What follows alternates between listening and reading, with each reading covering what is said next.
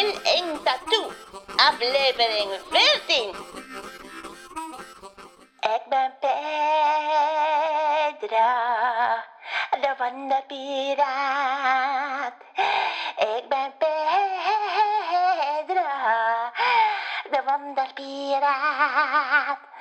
Deze aflevering gaat helemaal over macaroni. Heel veel sterkte. Als Ron de staakerven van John binnenstapt, ziet hij een houten bar met drie krukken ervoor. Ruimte voor tafels en stoelen is er niet. Op de bar, of, of dat is niet het juiste woord, bedenkt Ron. Hoe noemde zijn vader het ook alweer toen ze een keer in het café in de dorpsstraat cola gingen drinken toen zijn moeder op zakenreis was? Oh ja, een toog. Op de toog staat een tap met een stapel bierglazen ernaast. John gebaart gastvrij naar de krukken. Neem plaats, Reus, Ron en Kraai. Ik schep jullie even op. Reus heeft zijn hoofd door de deuropening van de caravan gestoken, maar de rest van zijn lichaam staat nog buiten. Ik pas niet, John, zegt hij teleurgesteld. Ik blijf maar buiten, maar ik wil wel graag macaroni. En na deze woorden verdwijnt het hoofd van Reus.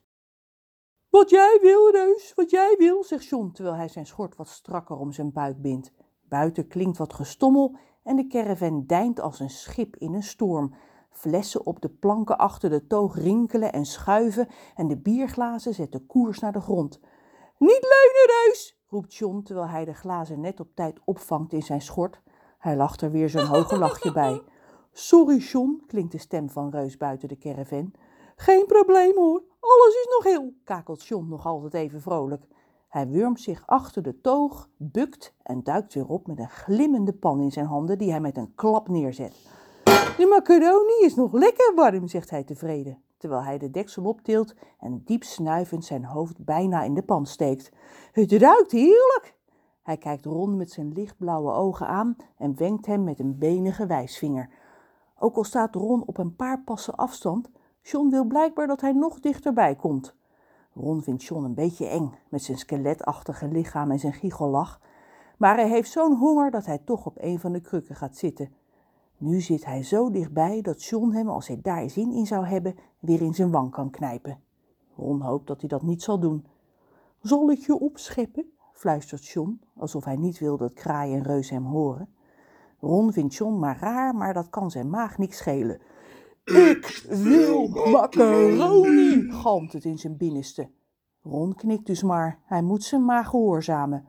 Ik wil ook, John, roept Kraai die op de kruk naast Ron is gaan zitten. En een sigaret.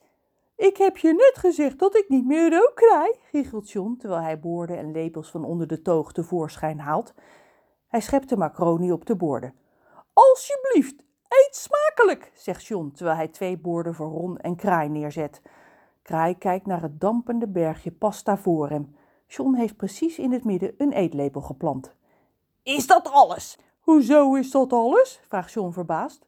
Waar is de tomatensaus? klaagt Kraai. En de geraspte kaas? Ik had er ook wel gehakt doorheen gewild of ham. Dit is kale macaroni en dan lust ik niet. En Kraai schuift met zijn snavel zijn bord weg.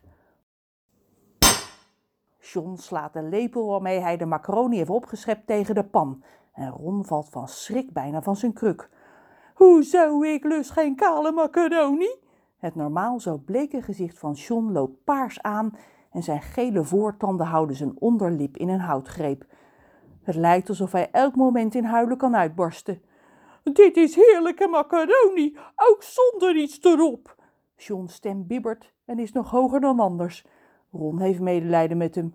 John heeft vast veel werk gehad aan het koken van de macaroni en nu krijgt hij stank voor dank. Dat is John roerend met hem eens. Doe ik al die moeite, krijg ik stank voor dank. Stik er maar in, kraai. En hij wrijft met een punt van zijn schort in zijn ogen. Hou de balk. Kraai kent geen genade. Geef me liever een sigaret in plaats van deze troep. Pas! John buigt over de toog en slaat op de kop van Kraai, waardoor die van zijn kruk valt. Ron, die een hap van zijn macaroni had genomen toen Kraai begon met zijn klaagzang, en daarna nog een en nog een, stopt met kauwen. John, zegt hij geschokt met volle mond. Hij spuugt per ongeluk stukjes macaroni op de toog. Kraai ligt versuft op de grond, maar dat duurt niet lang. Auw, auw, auw. krast hij terwijl hij een vleugel op zijn kop legt. Hij wil me vermoorden.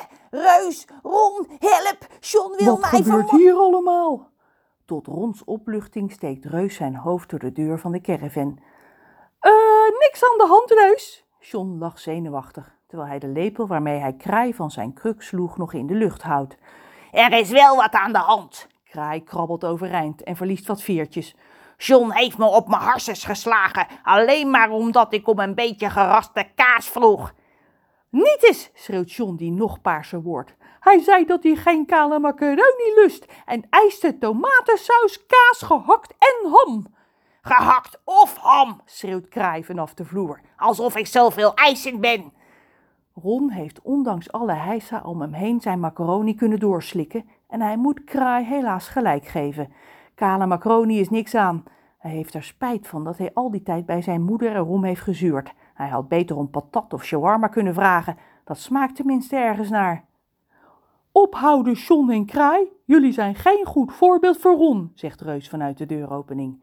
Kraai, jij eet netjes je bord leeg. Kraai wil protesteren, maar als hij de strenge blik van Reus ziet, fladdert hij terug naar zijn kruk. John ziet het tevreden glimlachend aan. En John, jij bergt die lepel op en gaat Ron vertellen waarom Pedro de wonderpiraat heet. Want Ron wil dat graag weten en jij kent Pedro als geen ander. John lacht niet meer. Dat wil ik niet, pruilt hij. Dan moet ik weer denken aan wat hij me heeft aangedaan. Aansteller. krast Kraai zacht. Houd je snavel, zegt Reus.